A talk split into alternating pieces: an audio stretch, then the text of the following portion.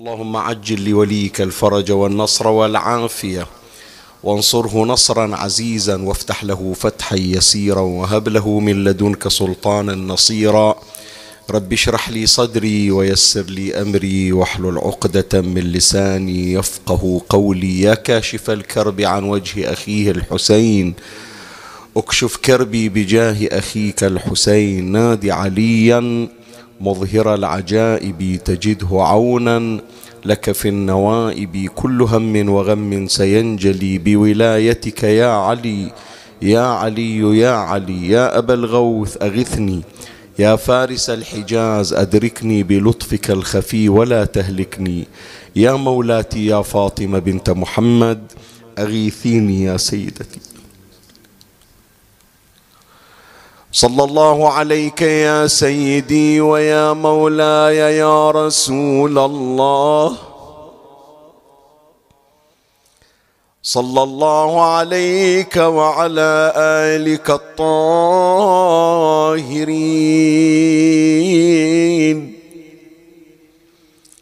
فاز من اعتصم بكم وامنا من لجأ إليكم. يا ليتنا كنا معكم سعادتي فنفوز فوزا. عظيما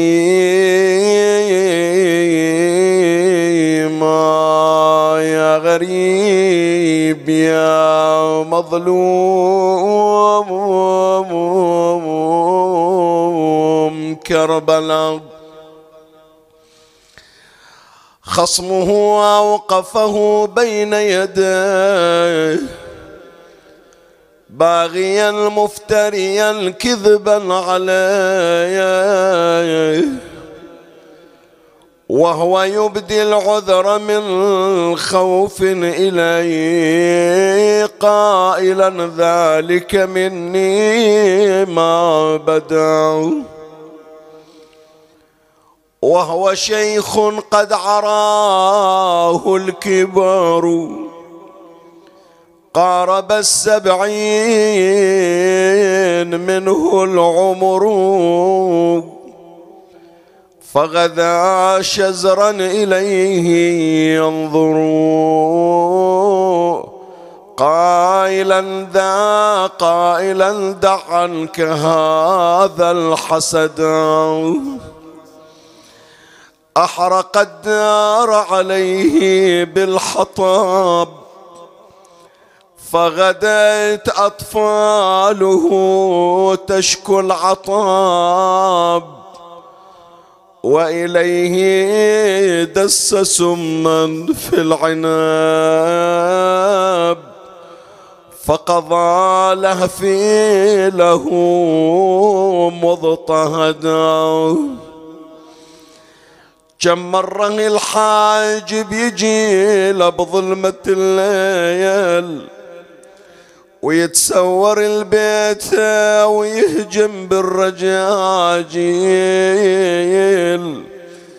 ومن على فراشه ياخذونه ودمعه يسيل.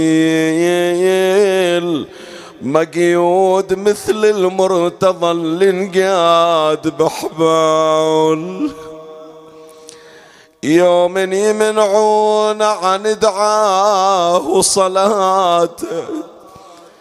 ومن وسط محرابه يجرون بعباته ولجلة تشق الجيب نسوانه وبناته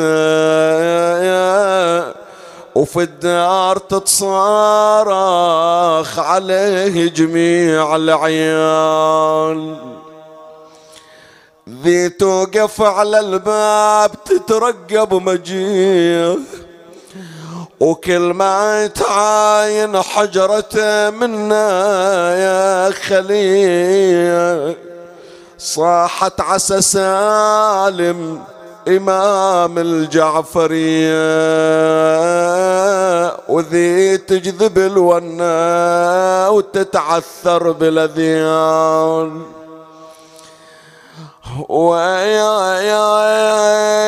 ويلي ويلي وكل ما تعاين كل حريمة واليتامى.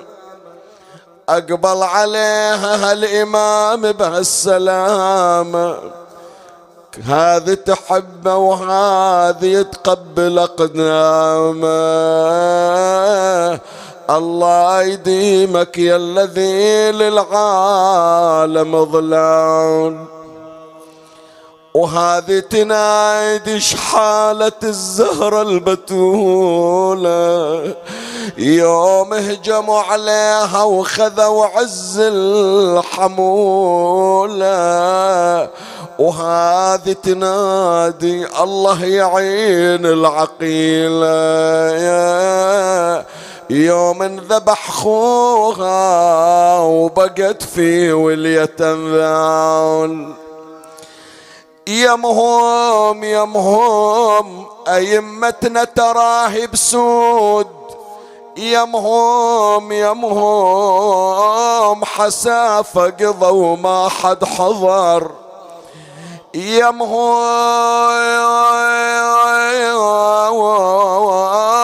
دنوحي على الأولاد. يمهم يمهم وحط اليوم في قبرك عزيز نصب اليوم في قبره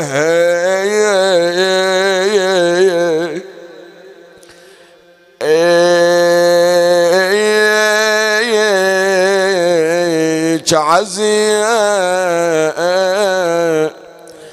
أنا حطيت لاولادي يا وسط القبور. ونسيت ضلع اللي بصير الباب مكسور. أبكي على ولادي ذبايح يوم عاشور. كل البكا والنوح والصيحة على حسين. دهري رماني بالرزايا بكل غالي. فرق أولادي عن يمين وعن شمال ما أشوف ساعة من الحزن مرتاح بالي. واعظم علي لون عناعي على حسين. لا تحسبوني للرضا في طوس ما جيت ولا إلى بغداد ما رحت وتعني كلهم عليهم نوحيت والجيب شقيت. وكل المصايب هونايتها مصيبة حسين.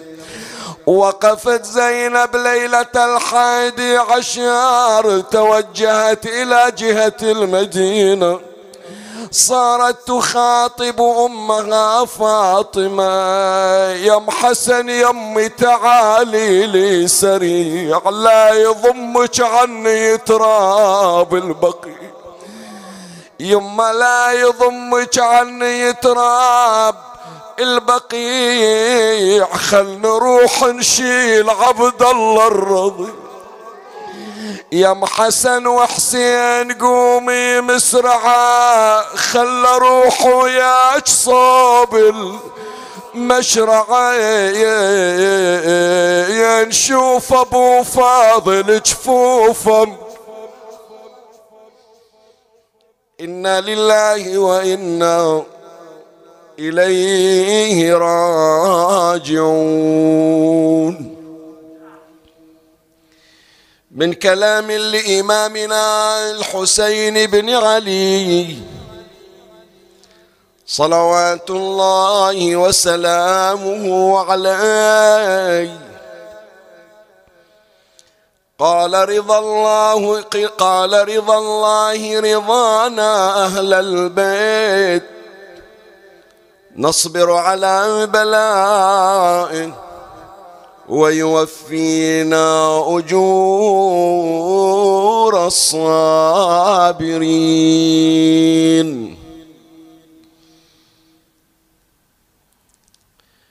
هناك دلالات ثلاث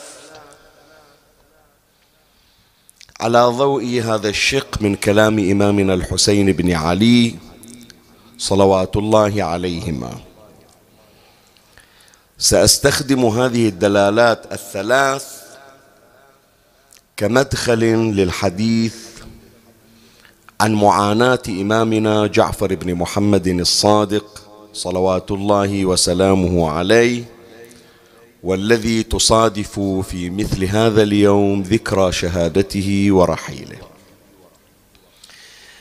أما الدلالة الأولى فإن الحكمة الإلهية والمشيئة الربانية اقتضت أن يجعل الله عز وجل المصلحة العظمى مبنية على أمر عظيم.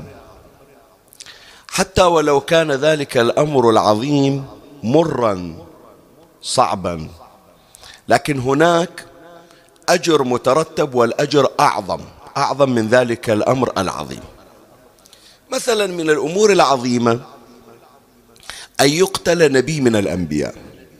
عندنا إحنا في قصص الأنبياء هناك من نشر بالمناشير هناك من قرض بالمقاريض هناك من أحرق وهو حي هناك من سلخ جلده. هذا الأنبياء. كذلك أيضا الأوصياء وإن نسيت فلا تنسى ما جرى على إمامنا الحسين عليه السلام. هذه كلها أمور عظيمة فضلا عن أمور أخرى. كقود أمير المؤمنين عليه السلام كضرب وقتل الصديقة الشهيدة الزهراء صلوات الله عليها. كل هذه الأمور أمور عظيمة. ولكن هذه الأمور العظيمة هي أسباب لمسببات أعظم. يعني هناك مصلحة كبرى. هذه المصلحة احتاجت إلى سبب السبب عظيم كقتل الحسين عليه السلام. لكن المسبب والنتيجة أعظم أعظم حتى من قتل الحسين عليه السلام. تدري لولا؟ النتيجة الا الله مخلنها المصلحة الا الله مخلنها لابد أن تكون أعظم من السبب لأنه ما يمكن أنه تقول هناك معادلة متساوية. شلون أنا أقول لك؟ لو كان الأجر المترتب على قتل الحسين يساوي قتل الحسين إذا ليش أقتل الحسين؟ ليش يقتل الحسين؟ خلاص هو وجود الحسين يكفي. بس هناك مصلحة أعظم من قتل الحسين. تحتاج إلى سبب عظيم كقتل الحسين عليه السلام. فلهذا مولاتي زينب عليه السلام لما تقول اللهم تقبل منا هذا القربان العظيم. ليش قربان عظيم؟ لأن هناك نتيجة أعظم.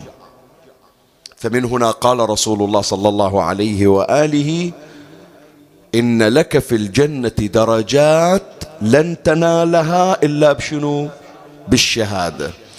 الدرجات درجات عظمى فتحتاج إلى سبب عظيم. السبب العظيم قتل الحسين. الدرجات العظمى ما تلقاه من آثار قتل الحسين عليه السلام. أن الشفاء مو فقط في الحسين في تربة الحسين. أن الدمع على الحسين عليه السلام تحط الذنوب العظام. ما عندنا إحنا رواية تقول أنه إذا بكيت على إبراهيم الخليل فإنه كل ذنوبك كل ذنوبك العظام تحط عنك ويغفر لك.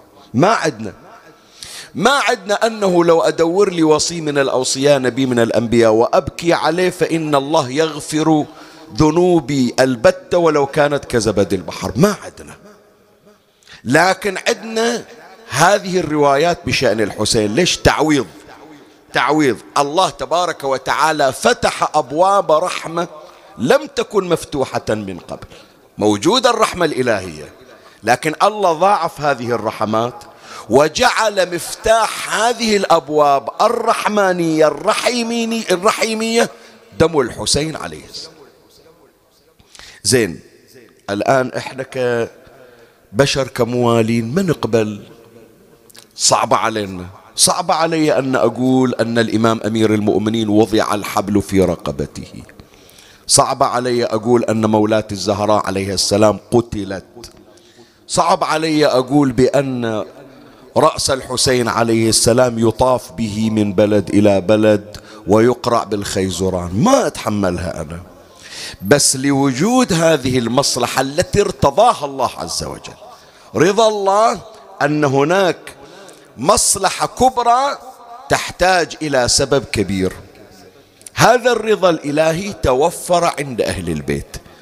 فلهذا الحسين عليه السلام وسائر الأئمة صلوات الله عليهم سائر الأئمة علموا بأن الله قد أعد نتيجة كبرى ورضي أن يكون هذا السبب العظيم سببا لمسبب أعظم ورحمة أكبر.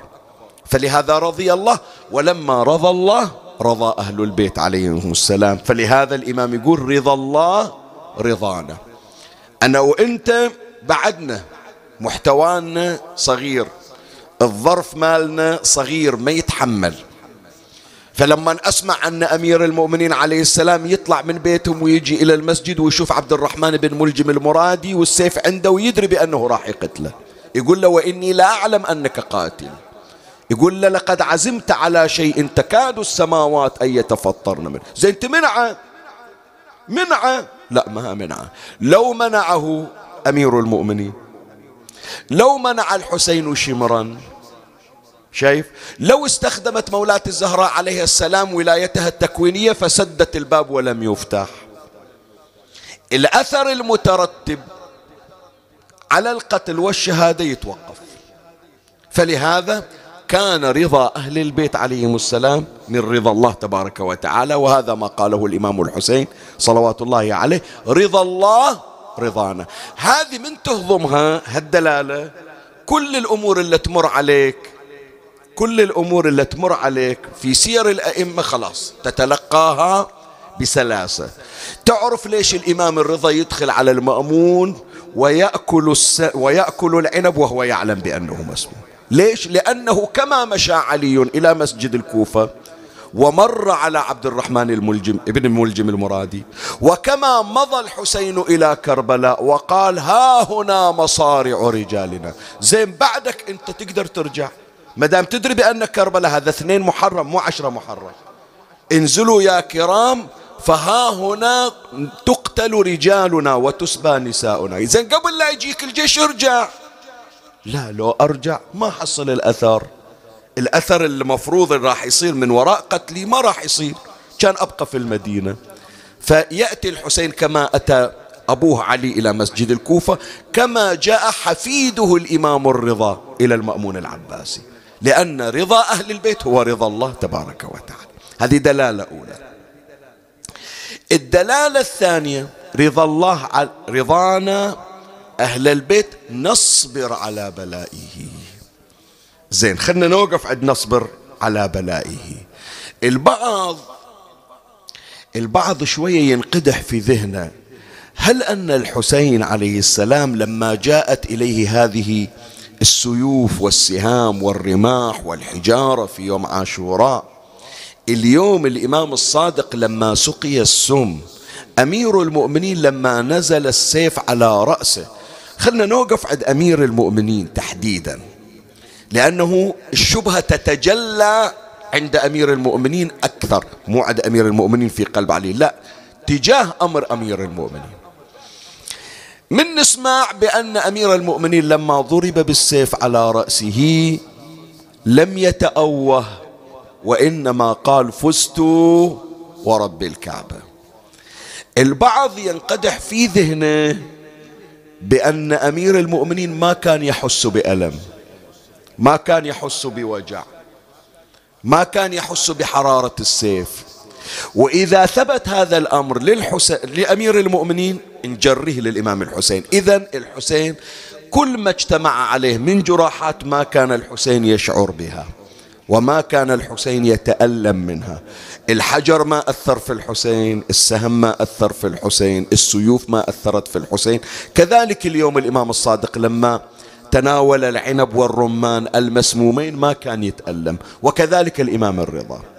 البعض هالشكل يتصور. يقول لك معقولة؟ أنا أتألم لأني أنا صاحب ذنوب لأني أنا بشر اعتيادي لحم ودم. بس أهل البيت قوالب نورانية في قوالب جسمانية.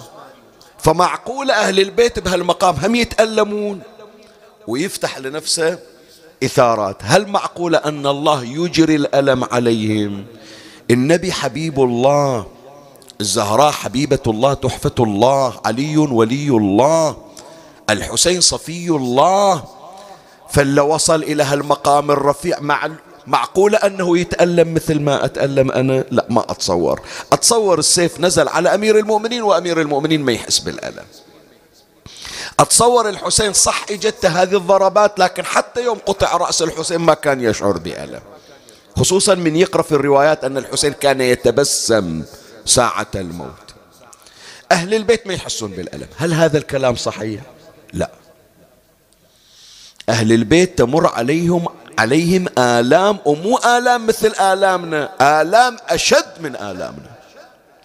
وإنما دواء الألم عندهم شنو؟ الصبر على الألم. هذا خليه في بالك. يعالجون أهل البيت آلامهم بالصبر. مو معنى أنه ما يشعر بالألم.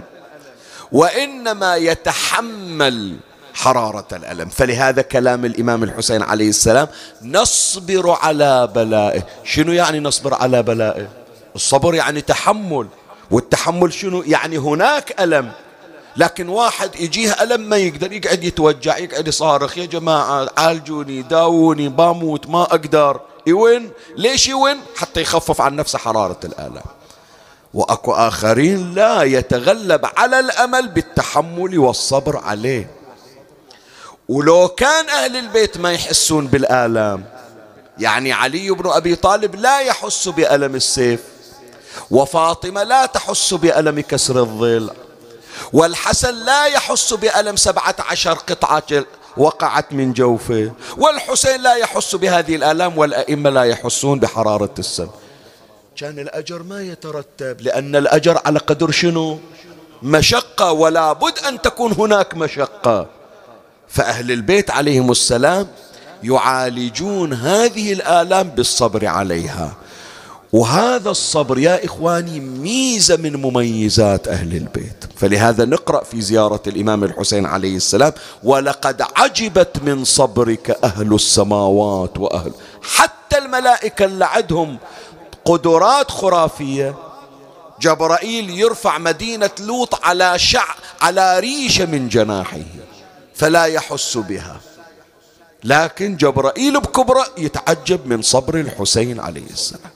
بحيث لو هاي المصائب والآلام كانت على الملائكة لما لما تمكنت الملائكة أن تحمل تلك الآلام. تمام؟ هذه دلالة ثانية أن أهل البيت يحسون بحرارة الألم ولكن يعالجون هذه الحرارة بالصبر عليها. زين.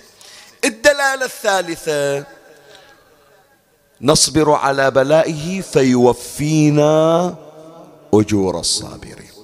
وهذه نخليها في بالنا. أهل البيت عليهم السلام نحن نعلم بأنهم مميزون. مميزون مو على سائر الناس لا. على سائر المخلوقات بما فيهم الأنبياء. لما نمر على أنبياء بعظمة إبراهيم الخليل بعظمة موسى الكليم بعظمة عيسى المسيح بعظمة آدم ونوح. ما نقول آدم ومحمد ما نقول نوح وعلي. ما نقول موسى والحسن ولا نقول عيسى والحسين. من الخطأ أن تقيس هؤلاء بهؤلاء. لأن أولئك وهم الأنبياء. علة وجودهم يعني سبب نزولهم إلى الأرض وخلقهم نور أهل البيت نور محمد وآل محمد صلوات الله عليه.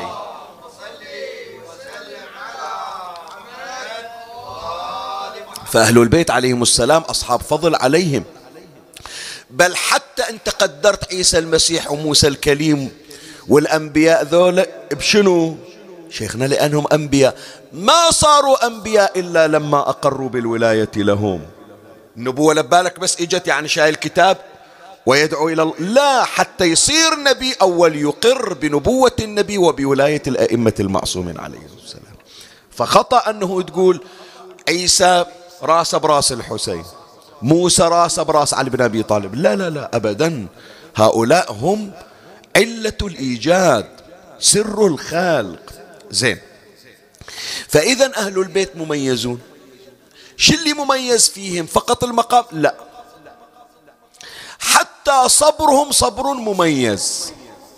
الصبر اللي عندهم صبر مميز. فلما صبروا وتحملوا وصار صبرهم صبرا متميز متميزا الله أعطاهم أجر مميز على الصبر المميز. شلون؟ شنو الجزاء اللي حصلوا أهل البيت على صبرهم؟ تتصور أنه أنا أتحمل يعني أنا أقول لك خلي أقرب لك هذا. هذا أنا وهذا يوسف. أنا جتني مصيبة فصبرت عليها. الله يجازيني على صبري. ما إلى علاقة يوسف الله يشيل أجره ويعطيني إياه. أنا اللي كابت المصيبة والله يعطيني أجر مستقل ما إلى علاقة لا بحج يوسف ولا بحج عيسى. بينما أهل البيت لا. أهل البيت لما كان صبرهم مميز. جمع الله أجور كل الخلائق فجعله في في في حقيبة أجر أهل البيت عليهم السلام. يعني جزاء صبر الحسين شنو؟ عبادة عيسى المسيح عبادة موسى الكليم عبادة إبراهيم الخليل عبادة إسماعيل الذبيح عبادة نوح النبي عبادة آدم عبادة كل الخلائق. الله جمع كل أجور الصابرين فأعطاها إلى محمد وآل محمد صلوات الله عليه.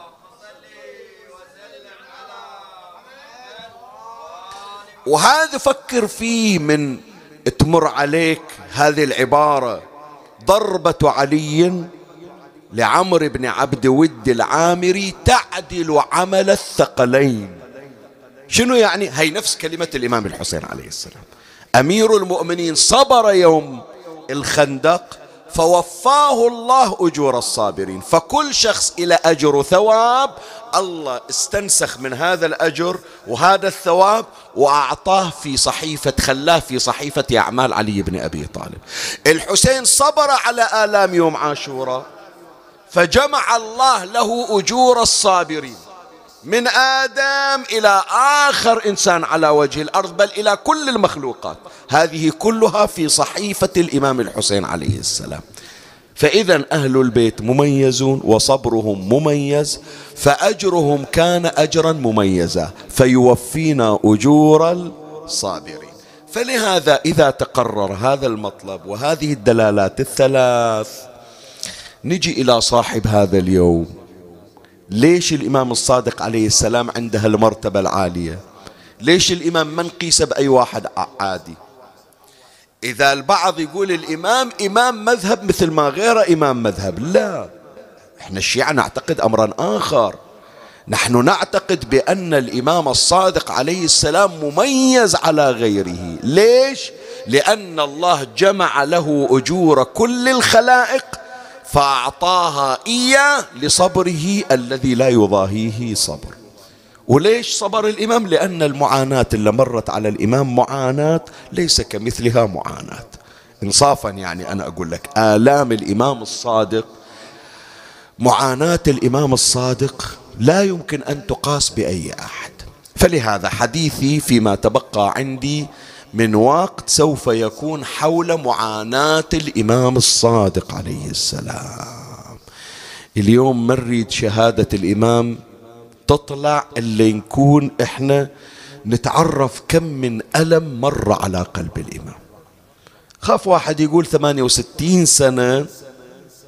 الإمام آخر أيامه في هال 68 سنة مرت عليه آلام. خصوصا خلي أقول لك كلمة.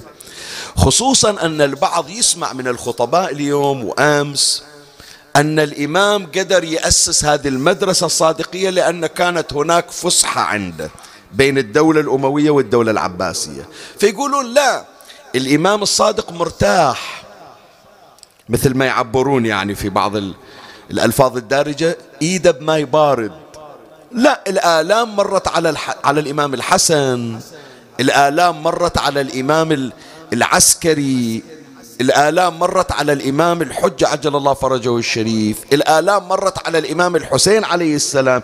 الإمام الصادق وين مرت عليه الآلام؟ ما مرت عليه الآلام. نعم آخر أيامه أسبوع عشرة أيام من حص من ذاق السم حصل بهالعشرة أي أيام آلام. وإلا سابقا ما مرت عليه آلام. لو كانت مرت عليه آلام بيفتح إلى مدرسة وبصير عنده جامعة وبيحدث هالأحاديث هذه كلها فلا كان ثمانية وستين سنة خالي من الآلام. هل هذا الكلام صحيح؟ لا. الآن راح أثبت لك أن الإمام مرت عليه آلام ومعاناة ليس كمثلها آلام ومعاناة فصبر عليها بصبر ليس كمثله صبر. فجازاه الله بأجر ليس كمثله أجر فكان جعفر بن محمد إن شاء الله في حديثنا نشير إلى معاناة الإمام الصادق عليه السلام. وهذا إن شاء الله ما سوف أبحثه معكم ومن الله أستمد العون والتوفيق. ومن مولاي أبي الفضل العباس المدد وألتمس منكم الدعاء وثلاثا بأعلى الأصوات. صلوا على محمد وآل محمد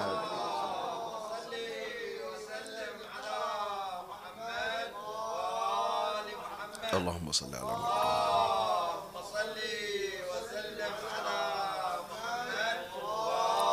اللهم صل على محمد.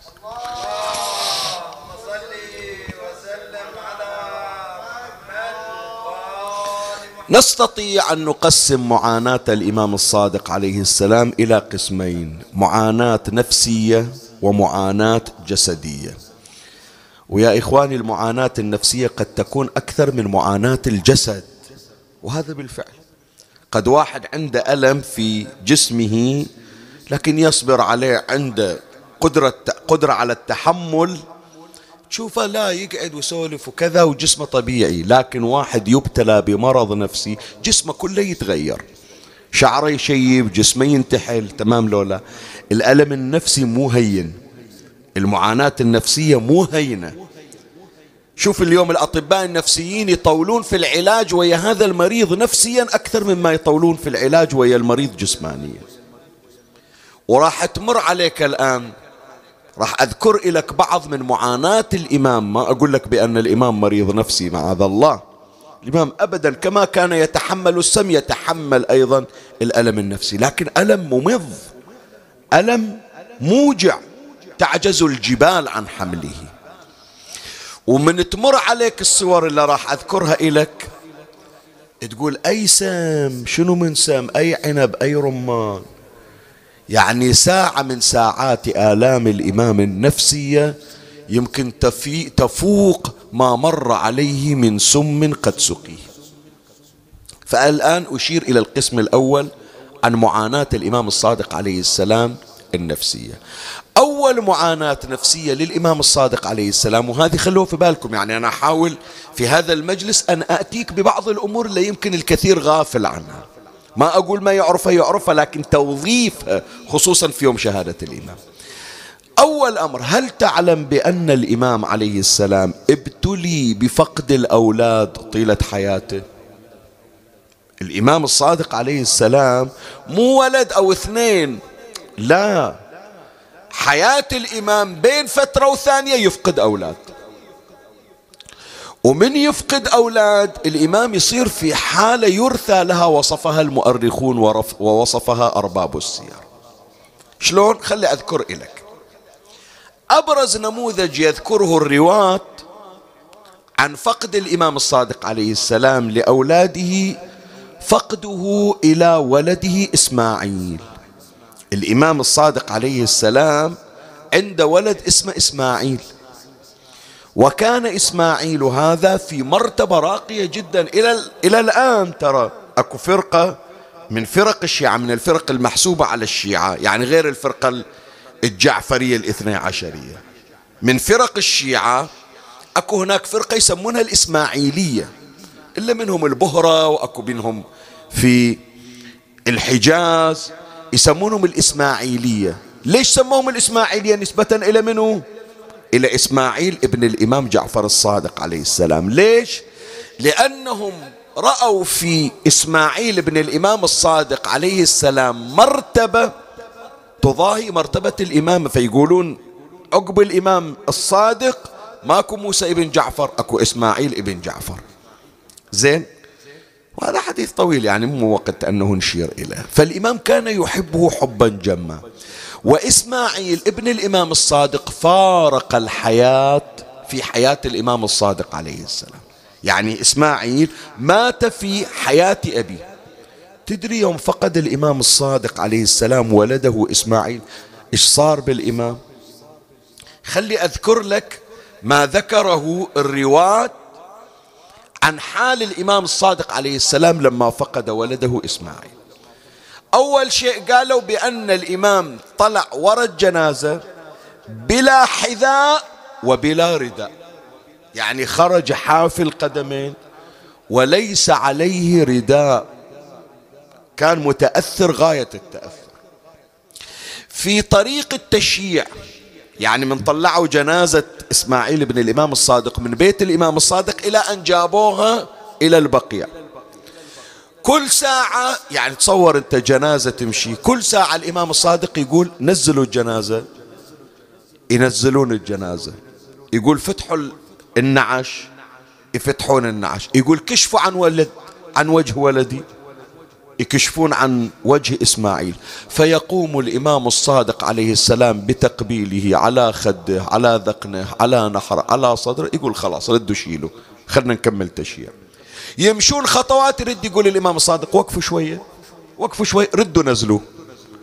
كشفوا عن وجهه. يشبع يشبعه لثما تقبيلا يرد يقول شيلوا. مرات تكررت. بعضهم يقول بأن السبب الإمام الصادق عليه السلام يريد يقول إلى ذول اللي كانوا يظنون أن الإمام في إسماعيل. يقول لهم ترى مات.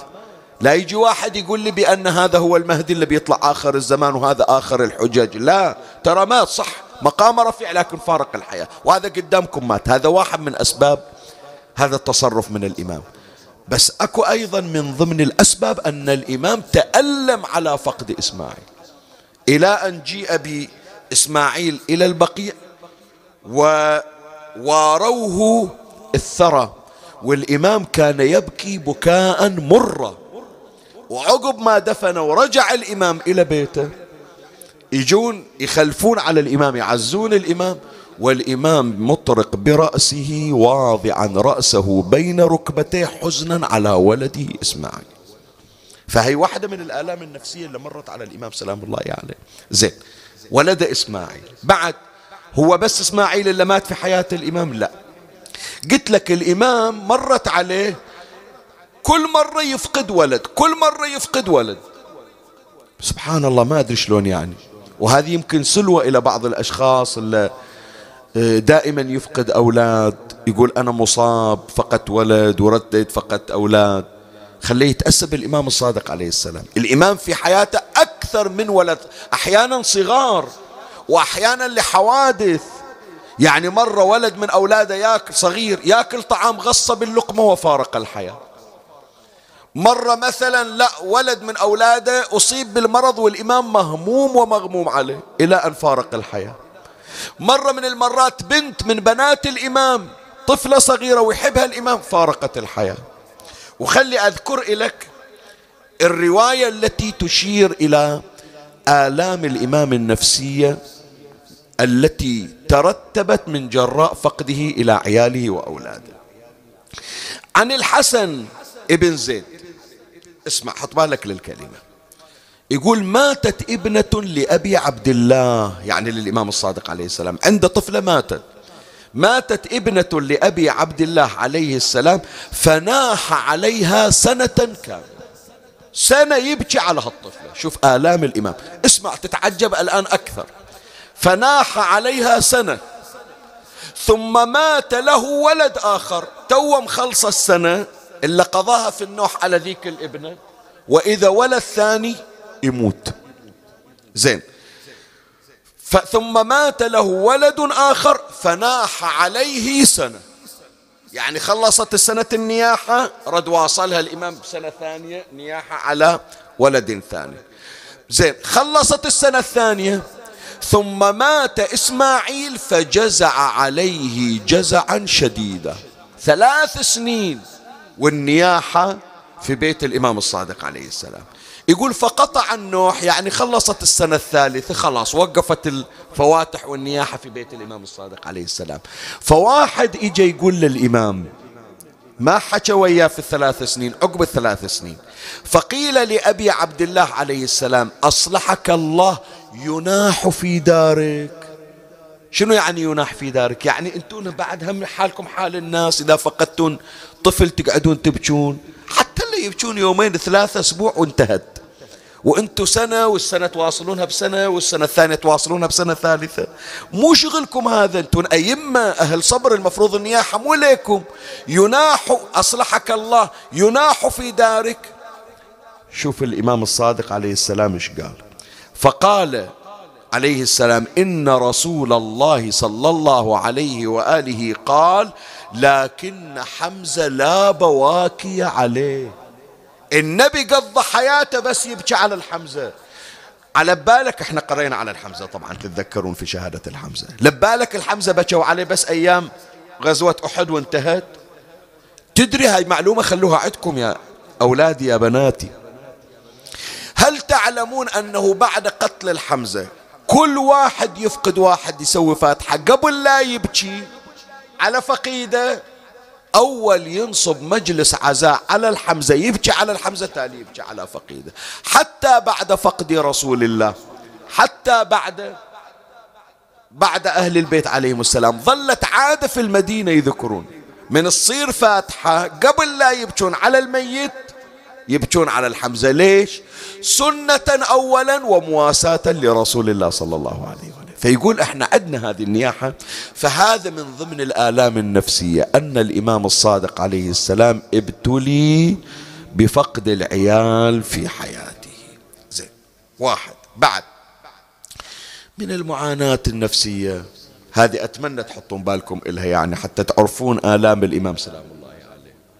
من ضمن المعاناة النفسية التي مرت على الإمام الصادق عليه السلام أنه ابتلي بقسوة بعض أرحامه. الإمام عنده بعض من أرحامه وهي من الآلام شوية هذه أريد أوجهها كرسالة لأنه كثير يجون لنا يقولون شيخنا شو نسوي؟ ابن عمي ابن خالي أخويا أمي أبويا كل ما أتودد إلهم هم بدال ما يعاملوننا باللطف يعاملوننا بالقسوة. فلان رحمي أروح أريد أصلة بدال ما يقبلني يسد الباب بوجهي. أمي أبوي أحاول أن أتقرب إليهما. هذه رسالة يعني أتمنى أنه اليوم والموالون يسمعون هذا الكلام شوية يتأملون فيه. أنت لما تجي بنتك أو يجي ابنك ويتقرب إليك ومع ذلك تعامله بالقسوة أو تعاملين بنتك بالقسوة. هذه ترى نعمة الله ساقها إليك فرددتيها وأغلقت الباب عليها. تخيل تخيل أنت اليوم واحد في عيد ميلادك يرسل لك هدية ويجيك طرد على الباب وبدال ما تقول له مشكور وترسل إلى شكرا على الهدية تسد الباب بوجهه وتطرده. يقولون شو هالتصرف؟ فكيف إذا الله رسل إليك هدية من السماء؟ وبدال ما تقول شكرا يا رب تطرد هذا الرسول اللي جايب لك النعمة السماوية والرحمة الإلهية وتقول يا ربي لا أريدك ولا أريد النعمة من عندك. هذا شو تسميه فأنت لما الله يعطيك ولد بار بك وأنت لما الله يعطيك بنت بارة بك روح شوف المصايب روح شوف الأولاد. نسمع عن بعض القضايا أولاد شي يسوون بآبائهم وبأمهاتهم. بعض القضايا يشيب لها الرأس. هالبلايا اجتنا من وين يا, يا سيد؟ من وين؟ ما تقول لي. انت ما شايف بعضهم اللي شايل أبوه قاطنا بالزبالة؟ تدري لو ما تدري. يوم كبر تجي زوجته ما أحكي عن الكل بس أقول لك من الشواهد الموجودة. هذه القضايا يا إخواني قضايا حتى نفكر نعيد صياغة معاملتنا في الدنيا. اللي بتذب أولادها في الشط ولا بيشيل أمه وبيقطها على الرصيف. ولا يشيل أبوه ووديه يا ريت يوديه لدار عجزة. إذا أنت ما عندك رحمة أكو غيرك. حتى رحمتهم ولو بفلوس لكن عندهم رحمة. ما يودي لدار عجزة. عن لا يحجون عليه الناس. يشيل أبوه يقطه في الزبالة في الحاوية. ليش زوجته تقول ما أريد؟ عجانة مو فاتحة دار مسنين. هذه الحوادث من تمر عليك وأنت تشوف ابنك أو بنتك يتقربان إليك بالمودة وأنت تقول ما أريدكم ولا اريد جيتكم علي. ترى هذه مو طرد إلى الولد ولا طرد إلى البنت. هذه طرد إلى رحمة الله. الله رحمك وأنعم عليك بأولاد بارين. أنت تقول يا ربي ما أريدك ولا أريد الرحمة من عندك ولا أريد هالنعمة. فترقب إلى ضربة رب العالمين. اللهم أجرنا يا الله. زين فإذا عودا على بدء أحيانا الشخص يبتلى شيخنا إيش أسوي أتقرب إلى أرحامي أرحامي ما يريدوني. إيش أسوي؟ هذه في سيرة الإمام الصادق عليه السلام خير أسوة. تصور أنت. الإمام ابتلي ببعض أرحامه كلما تقرب إليهم الإمام ما يريدون الإمام. الإمام بالمدينة وعند واحد من أولاد عمه في العراق. تدري الإمام الصادق شو يسوي؟ يأجر له واحد يقول له أريدك تسافر للعراق وهي فلوس ودها إلى ابن, إلى ابن عمي. قال ابن عمك ولا يوم سأل عنك. قال مو شغلك أنا أتقرب أصل رحمي. ويجي هذا الرسول إلى العراق إلى ابن عم الإمام الصادق عليه السلام ويعطيه المبلغ ويقول له غفر الله لك وحكم بيني وبين جعفر ابن محمد. يدعي على الإمام. ومع ذلك الإمام سلام الله عليه اليوم اليوم يوم الشهادة. اليوم الإمام من يقعد من الغشوة ما يقول وين أولادي أبوسهم وأقبلهم؟ يقول ودوا إلى أرحامي إلى فلان إلى فلان إلى فلان راح يمر علينا. عانى عانى. تدري هذا الإمام وعمره فوق الستين سنة قريب السبعين بعضهم يقول زاد على السبعين تجاوز السبعين. تدري بعض من أرحامه يجي يلزم الإمام من ثيابه ويجره ويهزه في الشارع؟ تدري لو ما تدري؟ يجون إلى الإمام يأخذونه من هدومه من تلابيبه ويجرونه ويهزونه في الشارع. وهذا يتجرع عليه. والثاني شايل سكين يريد يقتل الإمام. والإمام يقابلهم بالإحسان. هي واحدة من معاناة الإمام النفسية. فكان من ضمن ما مر على الإمام وهذا اللي أريد أذكره لأنه اليوم تسمعونه بس تحتاج القضية إلى تفصيل. الإمام عنده ولد العفو الإمام عنده قريب من أرحامه اسمه الحسن ابن علي ابن علي ابن الحسين. هذا حفيد الإمام زين العابدين. يعني يصير ابن عم الإمام زين العابدين. عفوا. ابن عم الإمام جعفر الصادق. الحسن ابن علي ابن علي السجاد. والإمام جعفر ابن محمد الباقر ابن علي السجاد. فابن عم الإمام يسمون الحسن الأفطس. اختلف ويا الإمام الصادق عليه السلام في رأي سياسي. ما أريد أذكر تفصيل الرأي السياسي. ما يشوف الإمام أنه إمام وما يريد يذعن إليه. زين خلاص اختلفت وياه في الرأي. خلاص لكم دينكم ولي دين. أنا هذا طريقي أنت ذاك طريقك انتهت. لا ليش ما تصير ويانا؟ كان إذا لقي الإمام سلام الله عليه لا يكلمه إلا بوحشة وغلظة. يأذيه يأذيه في الطريق. يوم من الأيام وقف له بالطريق شايل خنجر بإيده يقول إذا مر بالطريق أحط السكين بحلقة وأذبح على الإمام الصادق. وشاف الإمام الصادق عليه السلام مار في الطريق فانقض عليه بالخنجر يريد قتل الإمام. إجوا الناس لزموه إلى الحسن هذا الأفطس يسمونه الحسن بن علي بن علي. لزموه أخذوا السكين من عنده وإلا الإمام السجاد عليه وإلا الإمام الصادق عليه السلام مذبوح. تدري شوف الإمام ورحمة الإمام شلون؟ هذا الحسن الأفطس صار مطلوب عند السلطة عند المنصور الدوانيقي وتخفى قام ما يطلع في الشارع. تدري الإمام الصادق إيش سوى؟ طلع من المدينة اجى إلى العراق إلى بغداد. ودخل على أبي جعفر المنصور. المنصور الدوانيقي التفت للإمام الصادق قال له ها ابن عمي شو اليوم؟ جاينا مسافر جاينا العراق. عندك حاجة؟ قال له عندي حكاية وياك شنو؟ قال أتريد أن تسدي إلى رسول الله يدا؟ تريد تسوي خدمة إلى رسول الله يجازيك عليها يوم القيامة؟ قال إيه أتمنى أتقرب إلى رسول الله وأسوي له خدمة باكر يجازينا عليه.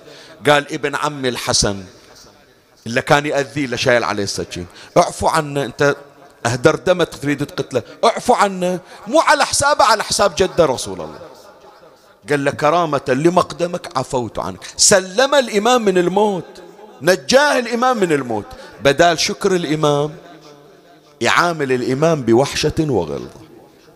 اليوم اليوم اليوم اليوم يوم شهادة الإمام. بين الإمام وبين الموت دقائق بس.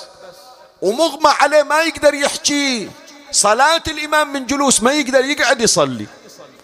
لكن من يفتح عينه؟ قال ابعثوا إلى ابن عمي. الحسن بن علي ابن علي سبعين دينار محتاج ما أدري ماكل لو مو ماكل. شوف حنان الإمام الصادق إلى أي حد. فهذه من معاناة الإمام سلام الله عليه النفسية أنه ابتلي بقسوة بعض أرحامه. هذا اثنين. ثلاثة من ضمن معاناة الإمام سلام الله عليه. معاناته معاناته النفسية لما جرى على أرحامه من القتل. والله شوي يعني من أتذكرها صدقني يعني يتقطع قلبي على الإمام. مو تقول لي السام لا. هذه تعرف القضية شوف إحنا نذكرها اليوم بالذات أنا أسولف لك. أنا من متى وأذكر قضية زيد الشهيد؟ وأدري بس هي من أهل البيت يفيضون عليك وينكشف لك أمر أنت تقرأه فترى ما وراء السطور. هذه من نعم الله ومن نعم أهل البيت علينا. اليوم يعني فقط شوف المرارة التي تجرعها الإمام الصادق عليه السلام. زيد الشهيد. زيد الشهيد. زيد ابن علي ابن الحسين. هذا عم الإمام الصادق. عم الإمام عم الإمام مباشرة يعني. زيد ابن علي بن الحسين والإمام الصادق أبوه محمد ابن علي بن الحسين. شلون الإمام زين العابدين؟ حال لما فقد عم العباس. حال الإمام الصادق لما فقد عمه زيد. يعني أنت من تتصور ألم الإمام زين العابدين لما فقد العباس؟ طبعا مع اختلاف المرتبة. كذلك الألم الذي دخل على قلب الإمام الصادق. والآن راح أذكر لك يعني حتى تعرف قد الألم كان حار وممض في قلب الإمام الصادق. بس أول أذكر لك هذه الكلمة. حتى تعرف منزلة زيد في قلب الإمام الصادق. يقول عليه السلام رحم الله عمي إنه كان نعم العم. إن عمي كان رجلا لدنيانا وآخرتنا. يعني لما نحتاج إلى إلى حاجة في الدنيا أو في الآخرة نستعين بعمنا زيد ابن علي. إن عمي كان رجلا لدنيانا وآخرتنا. فمضى والله عمي شهيدا. كشهداء استشهدوا مع رسول الله وعلي والحسين صلوات الله زين. إيش صار بعمة؟ يقطع رأسه ويعرى من ملابسه بحيث حتى شيء يغطي العورة ما عليه. ويصلب على جذع نخلة أربع سنوات متواصلة. شلون؟ مو تتصور جذع النخلة ومخلينها الشكل واقف. لا لا يعني بس تصور المنظر. معلقينه من رجليه على جذع نخلة عار الجسم حتى عورته ظاهرة. زين. دخيل الله ستروه. مو كرامة إلى زيد لو تشوفون إلى كرامة ما قتلتونا. بس على الأقل نسوان رايحين جايين أطفال يشوفون واحد عاري وعورته بارزة. على الأقل ستروا عورته. لا ولا ستروا عورته الله رسل الحمام. الحمام صار عندها حنان على زيد أكثر من البشر. قاموا ياخذون الحمام القش والأعشاب وتيجي تحطه على عورة زيد تستره. بنو أمية شو يسوون؟ من يجون يشوفون القش والأعشاب على عورة زيد من الحمام يوخرونه حتى يطلعون عورته إلى الناس. أربع سنوات. في وين هذا يا سيد؟ في المزبلة.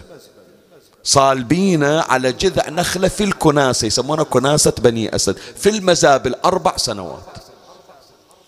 وعقب أربع سنوات ينزلونه ويضرمون في جسده النار ويوم تفحم يجيبون الهواوين ويدقون جسمه ويذرون رماده ورفاته في الهواء.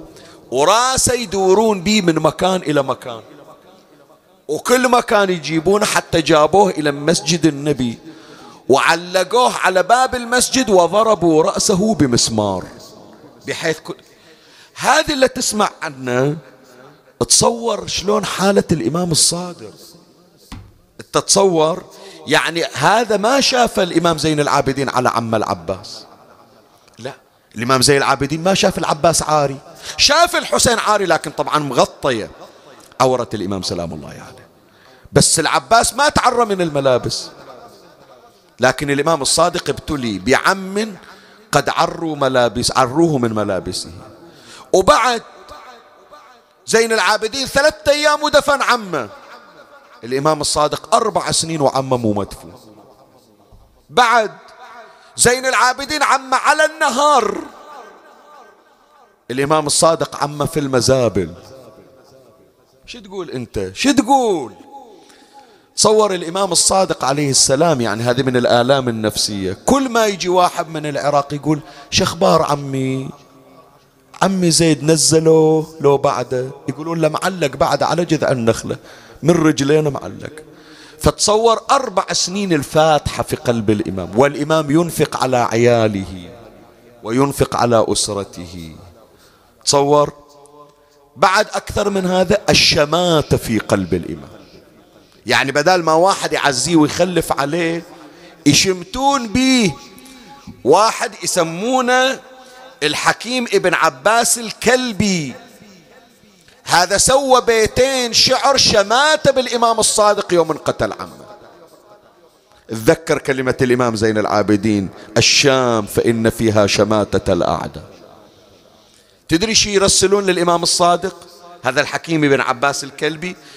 يقول له صلبنا لكم زيدا. روح شوف عمك إيش سوينا بيه يشمت يشمت. صلبنا لكم زيدا على جذع نخلة. ولم أر مهديا على الجذع يصلب. وقستم بعثمان عليا سفاهة وعثمان خير من علي وأطيب.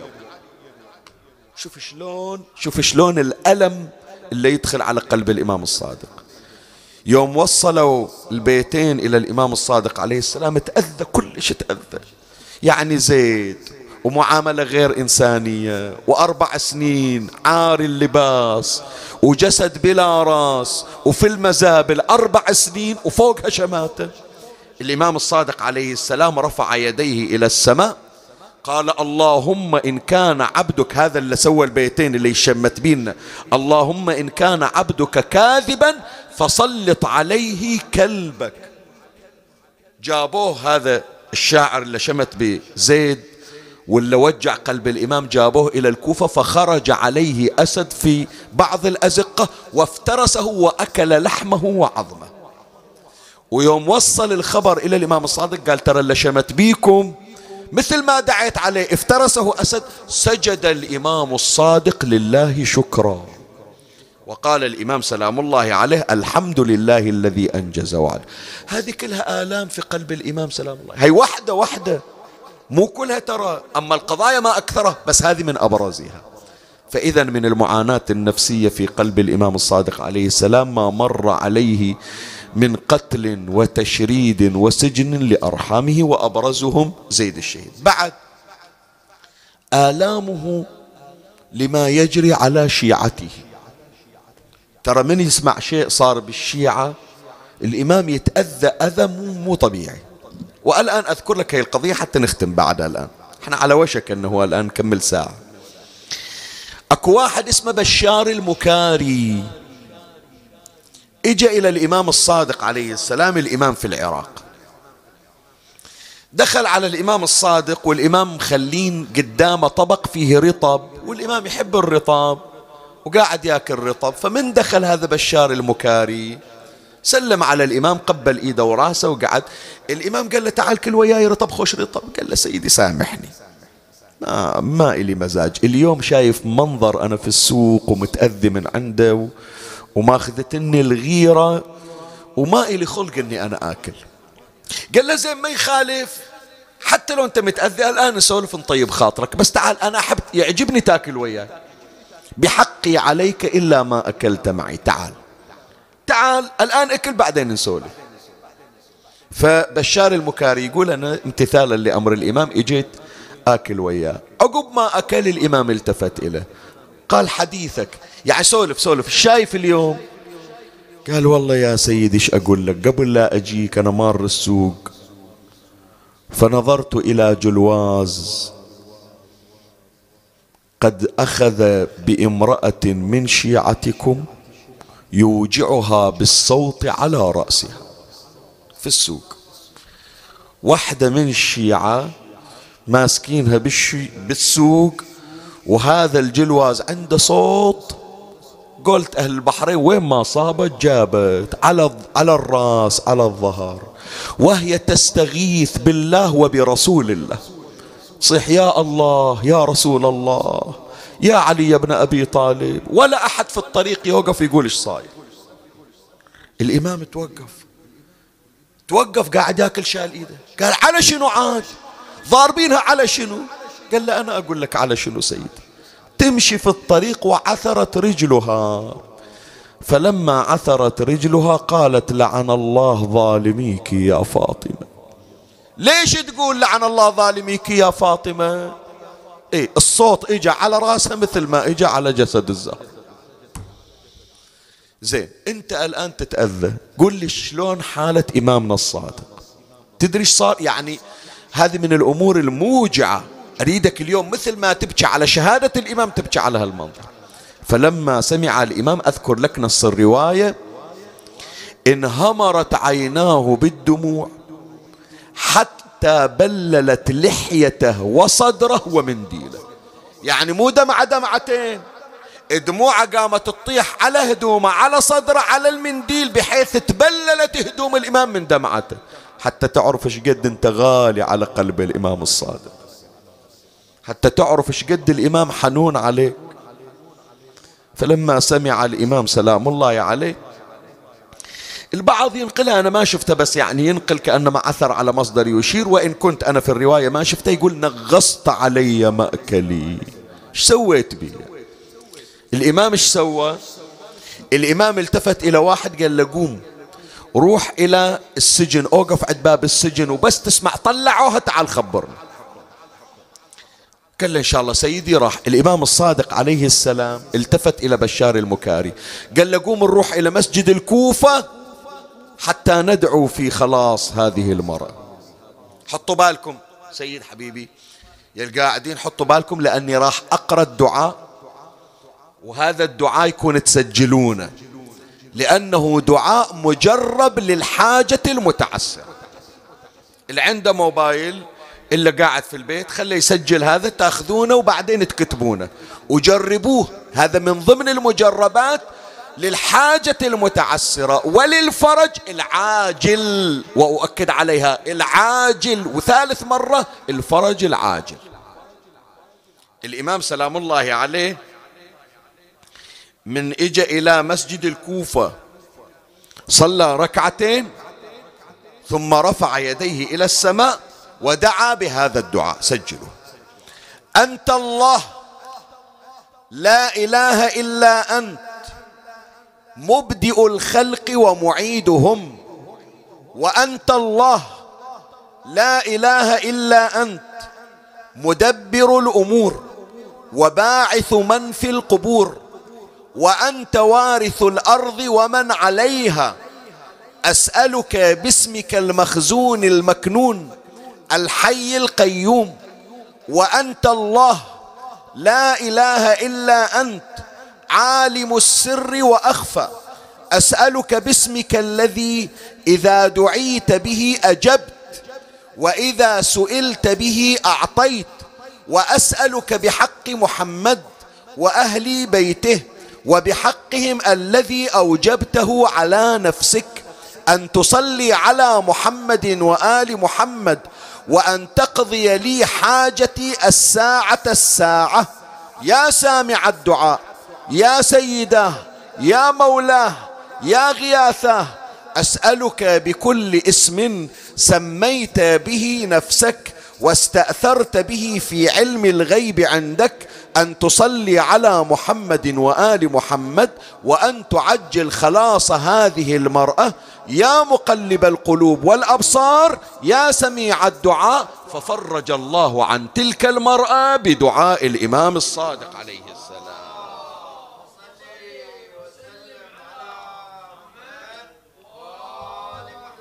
الثانية والثالثة.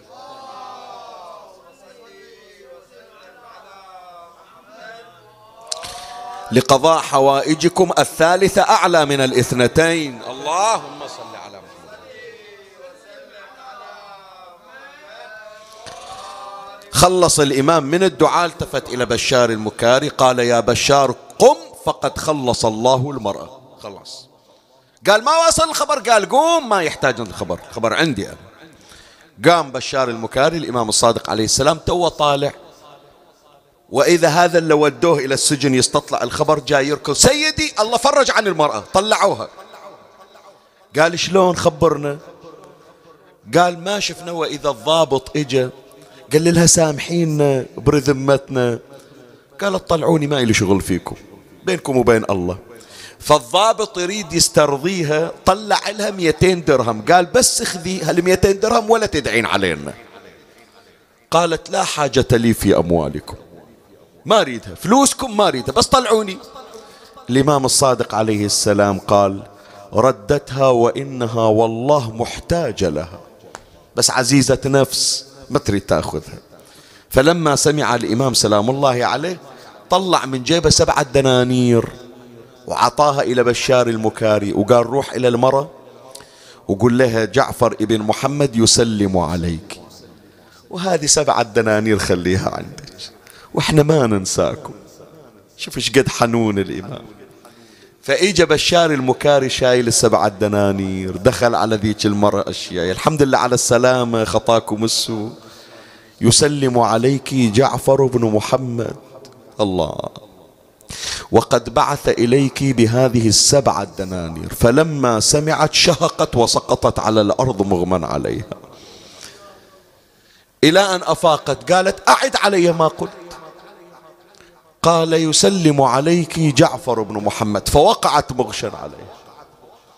ميم صدقة ميم صدقة الإمام يسلم عليها. إن شاء الله تحصلون سلام من صاحب الزمان. ونظرة منه لا تشقون بعدها أبدا. أفاقت مرة ثالثة.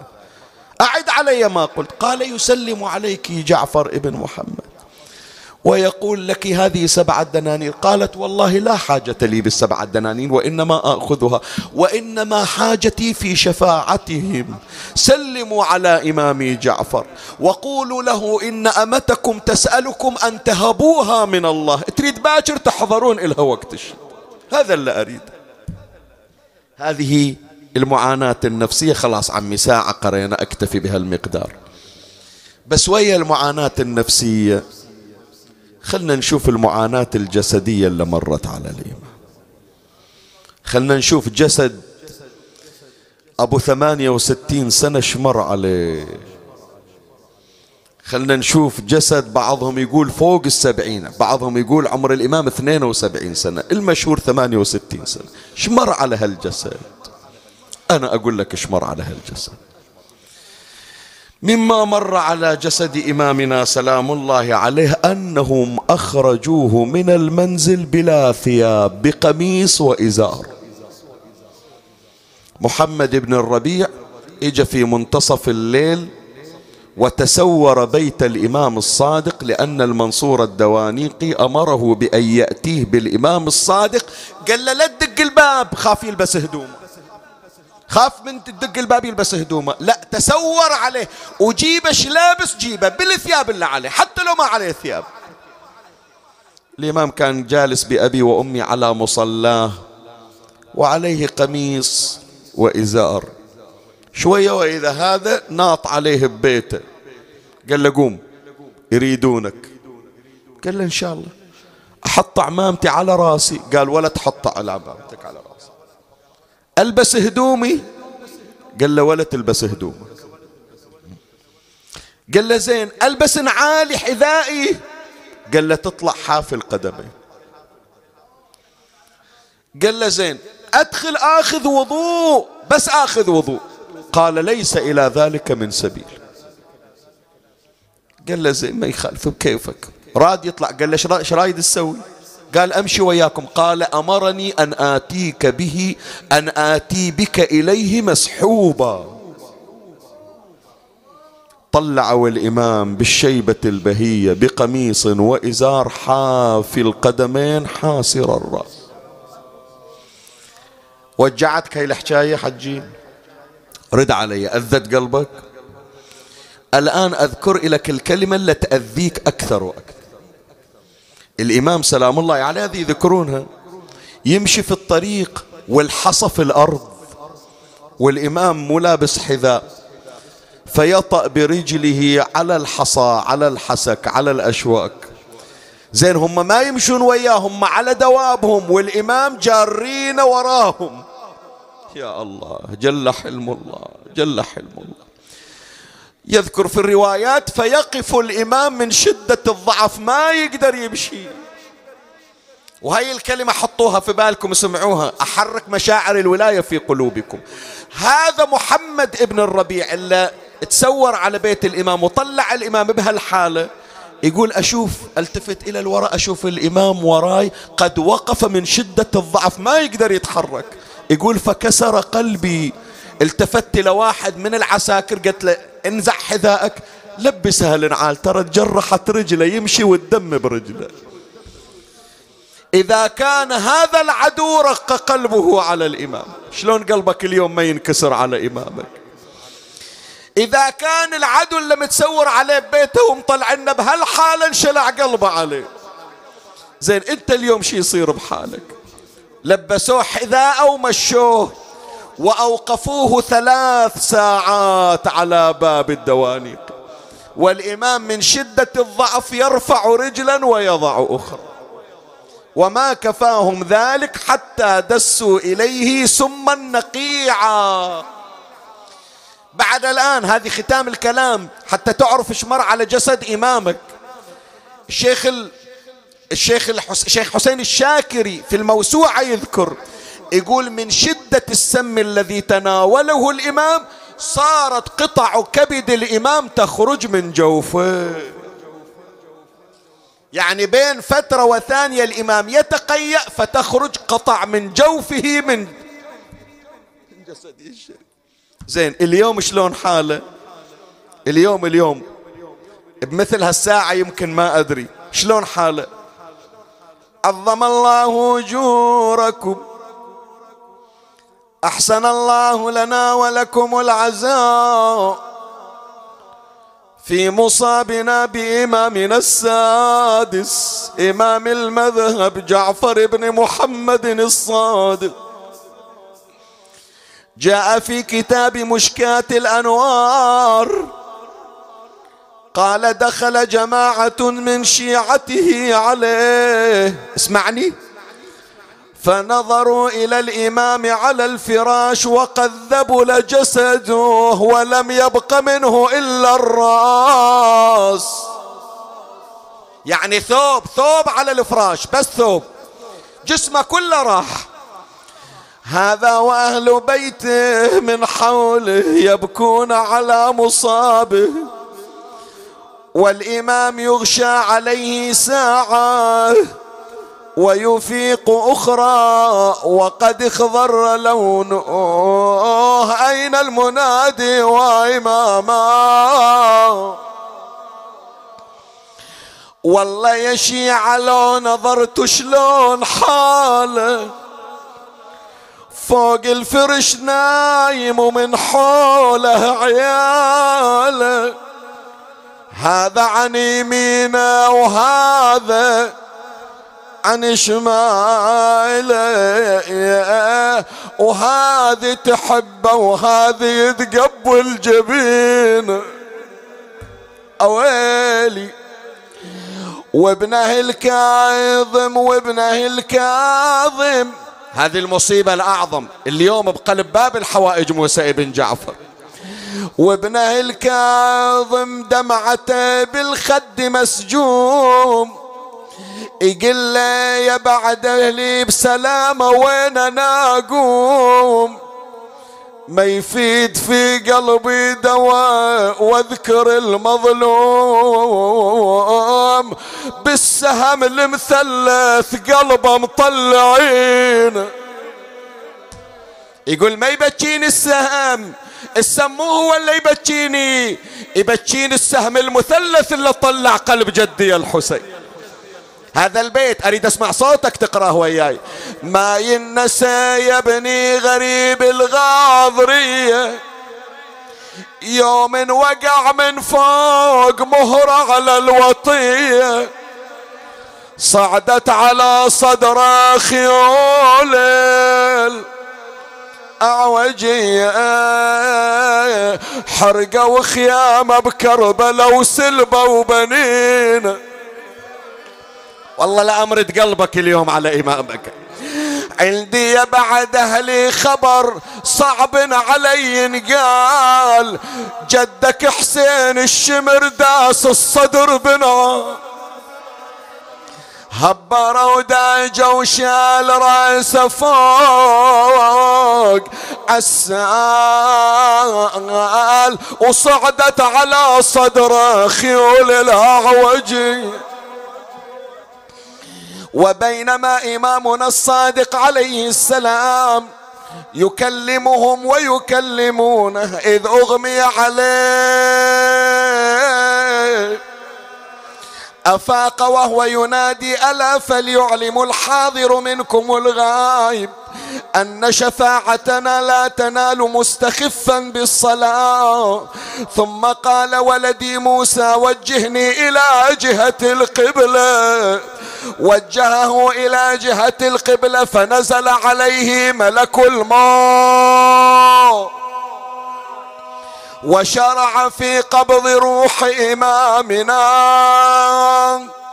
فحينها مد إمامنا رجليه وأسبل يديه ونظر إلى السماء فتفتحت أبواب الجنان لاستقبال روحه. تشهد الشهادتين وأغمض عينيه. يا الله وين الصارخ؟ وين؟ وين المواسي لباب الحوائج؟ أشرق النور من جبينه وأطبق فاه وفاضت روحه الشريف. أين الصارخ؟ أين الضاج أين المنادي وإمامه احتمله إمامنا الصادق على كلتي يديه. وضعه على ساجة المغتسل لما جرده من ثيابه وإذا بجسده قد اخضر من حرارة السيل غسله والإمام يتقلب. كيفما يشاء الغاسل حنطه وكفنه وضعه على سرير. وإذا بالرجال والنساء قد خرجوا من بيوتهم وصارت المدينة كأنه اليوم الذي مات فيه رسول الله والناس تنادي وإماما. طلعوا طلعوا بالجنازة. ما ظلت امرأة في بيتها في مثل هذا اليوم في المدينة. وصلوا به لأرض البقيع. خليها هذه يعني ما كانت بحسباني لكن كأنما فيوضاتهم صلوات الله عليهم. يسمعون كانهم ون. يقولون هالونة من وين جاية من هلا قاعدة ون؟ هذه مو من نسواننا هي مو من بناتنا. ونة أهل المدينة نسمعها بذاك الصوب. هذه من اللي سبقتنا للبقيع قاعدة وين؟ يا أهل المدينة ونت الزهرة اسمعوها. وسطت قبرها تصيح كبدي قطعوها. عن الصفايح يا المحبين ارفعوها. أبطلع على الدنيا وبشوف إيش صاير اليوم. كان الإمام الكاظم يقول ودوه ودوه لها ودوا لها هي الأشفق هي الحنونة اللي تتلقاه. ويلي وشالوا ابن عشال البقيع شبول واسباع. أتمنى أسمع صوتك بهالبيت. مروا بتابوت على مكسورة. الأضلاع. سمعوا ونين أم البتول بباطن القاع. تنادي يا خلق الله انكسر قلبي بكسيره أي ضلع مكسور كسر الضلع من كسرة ابو جعفر بن محمد حفرة وضريحة وقام إلى الكاظم يواري. وقبل الدفن نادى على بناته وجواري. ولما انقضوا كلهم من وداع وبواكي قام ابنه الكاظم يلحد في الحفيره هذا البيت شوف السيد سيد محمد صالح وين ودانا. لحد أبوه بحفرته ومن القلب ذاب. ما شاف ضربة بالجسد ما غاين صواب لا شاف طعنة بجثته ولا شلعن الشاب. اسمعني ولا عاين من الخيل أضلاع كثير. والله لأمرت قلبك اليوم. اليوم اليوم صاير كأنما من عاشوراء. زين صح نزله بقبره لكن الراس على الجسد. الجفوف على الذرعان.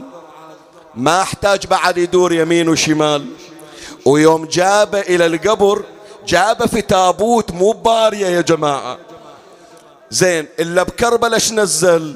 لا جفن تحصل يا أبويا ولا حنوط ولا غسل. نور عيني ولا عضو منك بالاخر متصل ذاب قلبي بار يا بالله حضروا لي بالعجل. إيش بتسوي؟ نجمع وصالة ونكفنها ونلفها ونقبره تقدر تلزم قلبك شوية؟ بس اقرأ لك هالبيت وبعدين خذ راحتك. لم جميع اوصال أبوه اللي انقطع واللي انهشم. حتى قطعت قلبه اللي طلعوها بالسه. ما تعطيني مهلة ما تعطيني. لم جميع اوصال ابوه اللي انقطع واللي انهشم حتى قطعت قلبه اللي طلعوها. بشنو؟ بالسهام. ما بقى غير الكريم على الرمح يبرى الحرام. حطه نزل بقبره وظل يشم بمنحر. اليوم موسى بن جعفر حببوه على خده وعلى جبينه. بس زين العابدين يوم 13 يريد يبوس أبوه ما عنده مكان يبوسه. وضع شفتيه على ثغرة نحر إلى كل واحد فقد أبوه. يا أبوي لقضي بالبكى ليلي ونهاري. غيرك ما شفنا مكفنين في بواري. من عقب ما يبقى ثلاثة أيام عاري. مرمي ولا لك غير وحش البر زوار. خلاص عمي أريد أختم آخر دقيقتين عندي. أحكي ويا اللي راحوا المدينة سؤال سؤال. شوي يلزم قلبك. أحكي وياك يا اللي رحت المدينة ويا اللي طبيت البقيع ويا اللي شفت القبور الأربعة المظلمة المهدومة. اسالك من شفت قبر الإمام الصادق؟ شفت قبر عند الرجلين؟ لو بس القبر بروحه. الإمام الصادق نزلوه بروحه بالقبر. بس الحسين يوم نزلوه بالقبر كم جنازة وياه؟ أنا أقول لك عنده ولد عد رجلينا علي الأكبر شبيه النبي. وعنده جنازة صغيرة عمرها ستة أشهر. على وين؟ على وين؟ جاوبني على وين؟ تدري على وين؟ يا أبويا الطفل حط على صدري. شنو من مجلس هذا اليوم؟ يا أبويا الطفل حط على صدري يا أبويا وخل نحر على نحري. ما ينشال زين العابدين ما ينشال ما ينشال اشيلن وصدره أبويا مكسر ضلوعه. وصدره منه الجاب كافوره وصدره ومن كفن غريب الغاذري. كل مجلس أقراه. ما أخلي مولاتي زينب. شلون هاليوم وهالتوفيق أتركها؟ مستحيل تطلع روح ولا تترك مولاتي زينب. دفن أبوه رجع. وزينب واقفة على باب الخربة شوية وإذا زين العابدين داخل التراب على عمامته على لحيته على ثيابه. ها أبو محمد من الصبح إلى الآن نص الليل توك جاي. من وين؟ قال من كربلاء. زاير؟ قال لا عم مو زاير. شو تسوي؟ دفان يا عم. كم جنازة دافن؟ قال سبعين جنازة دافنينها بيدي. اسمع زينب إيش قالت. هنيالك يا عم من زرته وبيدك يا حبيبي دفنته. أعطني مهلة أسألك بيوم اللي شفتهم ما سألوك يا ابني عن اختهم خاف نسيوني. أريد انشدك ماي شربته يا دفايان رويت قلبه لو دفلت حسين لا يذبح الكبش. حتى يروى من ظمئين ويذبح ابن رسول الله عطشا. اللهم صل على محمد وآل محمد.